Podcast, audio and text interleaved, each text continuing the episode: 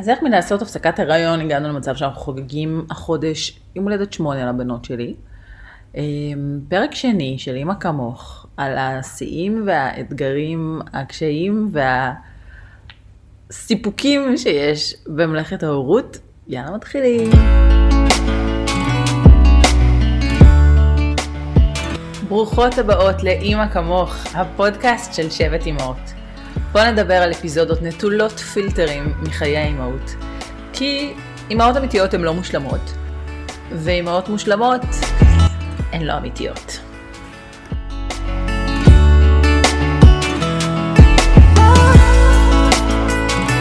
אז בפרק הקודם של אימא כמוך סיפרנו אה, על הבשורה שקיבלנו בשבוע 24 פלוס 6, שהתאומות שלנו עומדות להיוולד ושזה לא בהכרח דבר טוב, וקיבלנו החלטה להפסיק את ההיריון, כי uh, בתור זוג צעיר רצינו באמת להתחיל את החיים שלנו יותר טוב.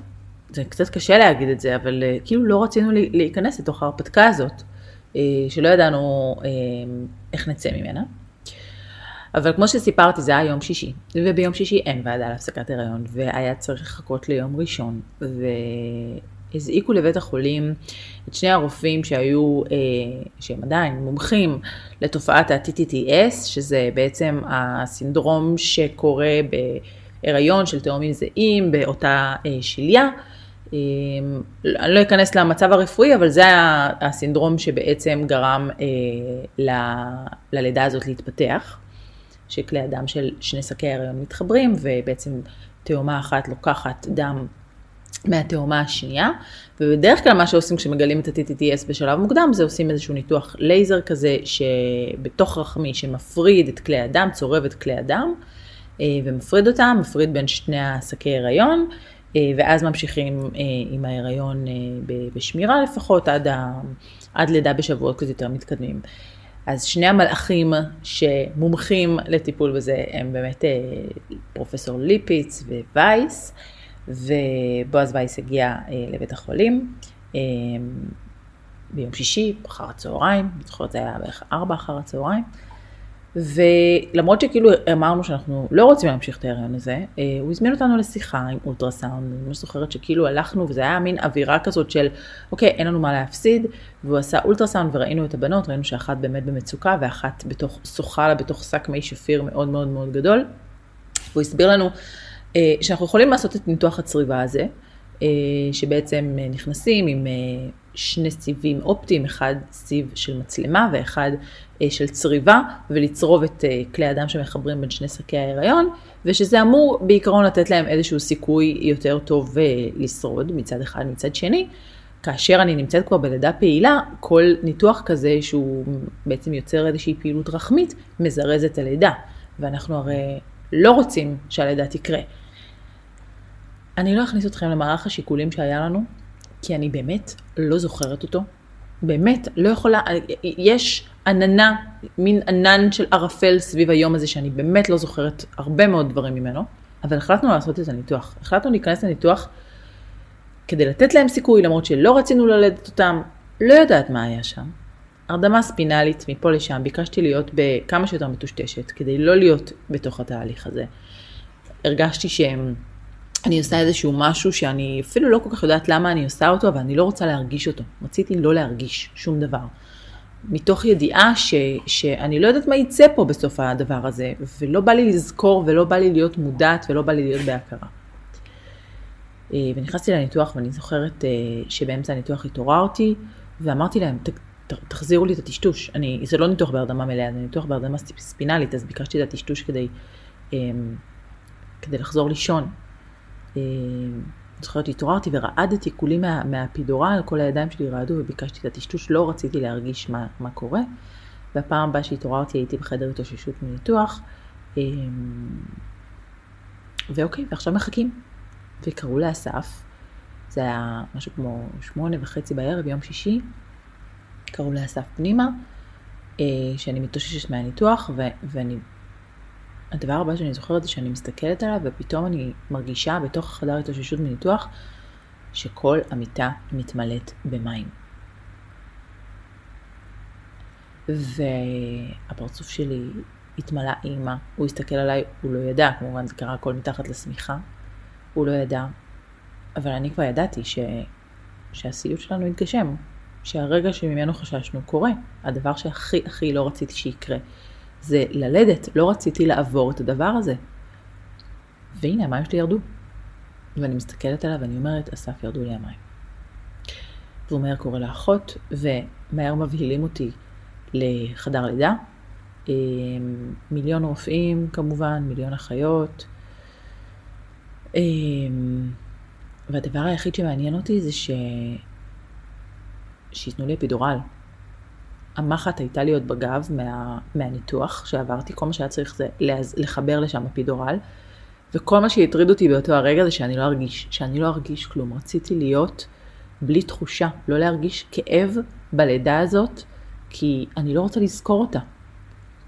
ואיזה מין, היום בהסתכלות לאחור, איזה מין טירוף זה להיות בלידה ולא לרצות לזכור אותה.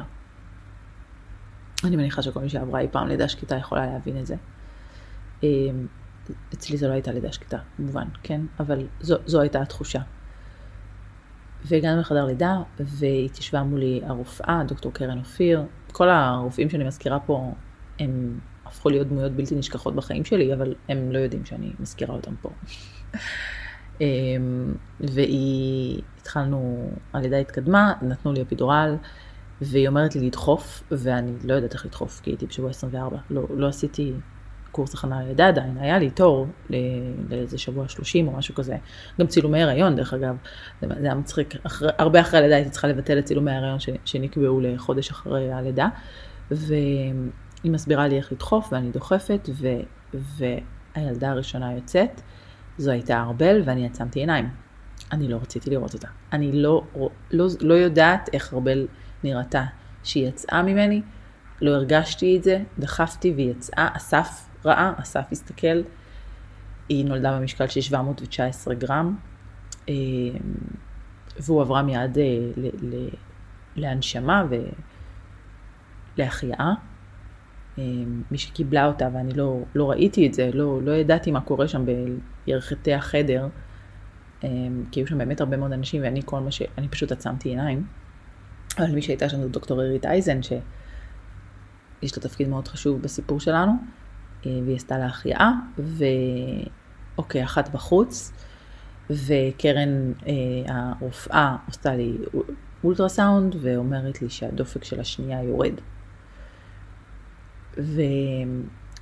ויש המון החלטות בחיים שלנו שאנחנו צריכים לחזור אחורה, אנחנו יכולים לחזור אחורה ולהסתכל ולנסות לשפוט את, ה, את ההחלטות שקיבלנו באותו הרגע. אני מאוד משתדלת לא לחפור בזה. אלא פשוט לקבל את זה שזה מה שהיה נכון עבורי באותו הרגע. אה, כמו ההחלטה שקיבלנו שלא יצא לפועל להפסיק את ההיריון, וכמו ההחלטה שקיבלתי באותו הרגע שהיא אמרה לי שהדופק של השנייה יורד, אה, ושאנחנו צריכים ללכת לקיסרי חירום כדי להציל אותה. כי אם אנחנו לא נוציא אותה, היא לא תצא לבד חיה. אה, הדופק שלה ירד והיא, והיא תמות ברחם. ו... ואני הסתכלתי על, על דוקטור קרן אופיר, ואני אמרתי לה, אני לא רוצה ללכת לניתוח קיסרי, אני לא רוצה להציל אותה. אני הרגשתי שזה ללכת ולעשות פעולה שתציל בכוח ילדה שאולי פשוט לא אמורה לחיות. ואז פשוט חיכינו במשך תשע דקות. והילדה הבאמת בלתי תאומן הזאת פשוט התאוששה, היא העלתה דופק והיא יצאה. תשע דקות אחרי אחותה היא נולדה, היא יצאה לרוחב במשקל 650 גרם. כאן כבר לא עצמתי עיניים, אני זוכרת אותה יוצאת ממני, חייזר קטן ואדום, וגם מובלת ישר לאינקובטור, להחייאה והנשמה, היא נולדה אפגר 2, מי שלא יודע, אפגר זה מבחן כזה שעושים לתינוקות איך שהם נולדים, אמ, לפי הצבע שלהם, ואם הם נושמים, ואיך הם, הם בוכים, ואיך הם מגיבים, והדופק שלהם וכולי וכולי. אמ, זה ציון שמקבלים בו בין 1 ל-10, בדרך כלל תינוקות בריאים נולדים 8, אפגר 8, אפגר 9, היא נולדה אפגר 2, הרבה לאפגר 6, דברים ש... תאריכים ומספרים שלעולם לא אשכח. אמ, והם שתיהם הובלו לפגייה. ואמרו לאסף ללכת אחריהם, והוא עזב אותי ו... ורץ אחרי האינקובטורים שהובלו לפגייה כדי אה, לקבל אה, צמידים ומדבקות בזמן שהם עושים להם החייאה והנשמה, והוא לא כל כך מדבר, החצי שלי. הוא לא, לא סיפר לי כל כך אף פעם מה, מה בדיוק הוא הרגיש ברגעים האלה. אני חושבת שהוא גם. אני לא יודעת אם הוא זוכר, גם אני לא זוכרת הרבה. הוא רק זוכר שהוא הלך לאיבוד בדרך חזרה, שהוא רץ אחריהם, כשהוא סיים איתם שם בפגייה ורצה למצוא את דרכו אליי, הוא לא ידע איך לחזור לחדר היולדות, כי, כי, כי, כי הוא רץ אחרי אינקובטורים, הוא לא, הוא לא שם לב בכלל לאן הוא הולך, ולא היה לו מושג איך חוזרים למקום שממנו הוא יצא. ואני נשארתי בחדר הלידה. אה, ואחרי שהם סיימו את ההחייאה, נכנסה, ועיצבו אותם, נכנסה אליי דוקטור את אה, אייזן, שקיבלה אותם, ונתנה לי כזה בריף על הפגייה, ובדיוק אבא שלי הגיע עם הכדורים לייבוש חלב. כשאני במסגרת הרצון שלי לא להרגיש שום דבר, לא להרגיש כאב בלידה ולא להיות ערה בניתוח, אה, שצריבה שעשיתי לפני הלידה, בלידה הייתי לגמרי לגמרי בהכרה, אבל עצמתי עיניים, אז במסגרת כל הבקשות האלה גם ביקשתי מאבא שלי להביא לי כדורים לייבוש חלב, כי לא רציתי להרגיש את החלב אה, אם אין לי תינוקות להעניק. וכשהוא הגיע עם כדורים, דוקטור עירית אייזן הייתה שם, והיא אמרה לי, מה פתאום? אחד הדברים שיכולים להציל אותם כרגע, זה החלב שלך. אמ, על הנקה וחלב אנחנו נדבר בפרק אחר, זה סיפור משל עצמו. ואותי הובילו לשוב לחדר ניתוח, כי השליה יצאה קרועה לחלוטין, כי היה אלה שבוע כזה, והיה צריך לעשות איזשהו הליך אה, בטשטוש אה, כדי להוציא את כל השאריות של השליה. אז שוב אה, נכנסתי לחדר ניתוח ועשיתי את הדבר הזה בטשטוש וקשקשתי שם מלא קשקושים לרופאה תוך כדי. אה, זו עדיין הייתה דוקטור קרן אופיר, צחקה עליי למחרת על כל הדברים שסיפרתי לה שם. והפעם הבאה שהתעוררתי הייתי שוב בחדר התאוששות, זו הייתה הפעם השנייה שהייתי שם באותו היום. הפעם הראשונה הייתה באמת ב-7-8 בערב, ועכשיו כבר היה כמעט חצות. והתעוררתי ושמעתי את האחיות מדברות. האם כשאני אתעורר ישלחו אותי למחלקת יולדות או למחלקת נשים. כי איזה מין חוויה זאת תהיה בשבילי להיות במחלקת יולדות כשיש לי תינוקות, שתי בנות על גבול החיות אה, בפגייה וכל השאר במחלקת יולדות נמצאות עם התינוקות שלהם ומצד שני מחלקת נשים זה מחלקה שאליה הולכים כשאין תינוקות אבל יש עדיין תינוקות. ואני שמעתי אותן מקשקשות על זה ו... והתחלתי לבכות. זו הייתה הפעם הראשונה שבכיתי בתוך כל ה-24 שעות המסויטות האלה. כל מה שסיפרתי לקח 24 שעות. אמ, פתאום התפרקתי. הבנתי שזהו, הם כאן. כאן, ואנחנו לא...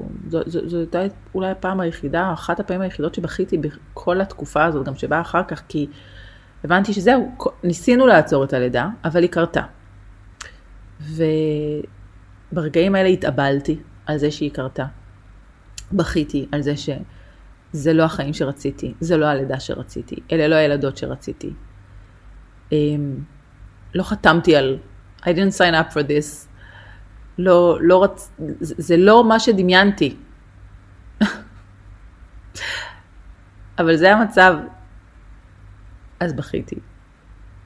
וקראתי לאחיות ואמרתי להם שאני רוצה ללכת למחלקת נשים ולא למחלקת יולדות. והן קראו לאסף שמסתבר ישן על הרצפה מחוץ לחדר התאוששות. ולקחו, שלחתי אותו הביתה ללכת להתקלח, להוציא את שאולי, הכלב שלנו. ולמחרת בבוקר, בשבע בבוקר, הוא כבר התייצב איתי במחלקה. ואם אתם זוכרות בפרק הקודם אמרתי שלפעמים ההורות זה החלום ושברו, ואמרתי שאני אראה, אספר לכם איך למדתי להתמודד עם זה. אז הרגע הזה בראשון למרץ, ב-7-8 בבוקר, שאסף הגיע למחלקת נשים, עזר לי להתקלח, לקום, להתקלח, לעשות פיפי פעם ראשונה אחרי הלידה. ישבנו ואמרנו לעצמנו, אני לא יודעת מאיפה, מאיפה היה לנו את הכוחות, אבל אמרנו, אוקיי, זהו, הם פה.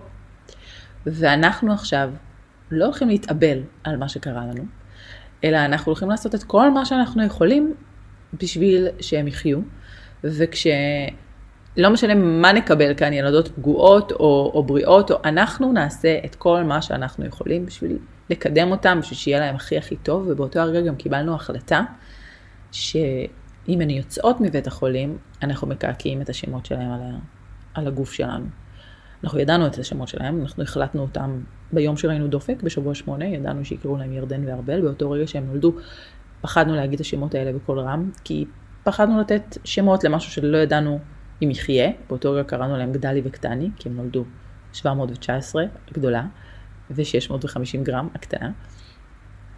ואמרנו ש... שהם יתחזקו קצת אז ניתן להם את השמות, זה היה שבועיים אחרי, וכשהם יצאו מבית החולים, אנחנו נקעקע את השמות. והן אכן מקועקעות, וגם ינאי, על שנינו.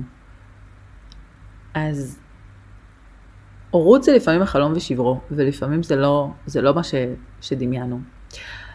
אבל אחרי שאנחנו מסיימים לרחם על עצמנו לכמה דקות, אנחנו צריכים לשנס מותניים ולראות איך אנחנו מתמודדים עם המציאות. זה משהו שלא נכון רק להורות, נכון לכל מצב של קושי בחיים. אה, וזה מין כוחות שאני לא יודעת מאיפה היה לנו, אבל הם עזרו לנו לצלוח 77 ימים בפגייה.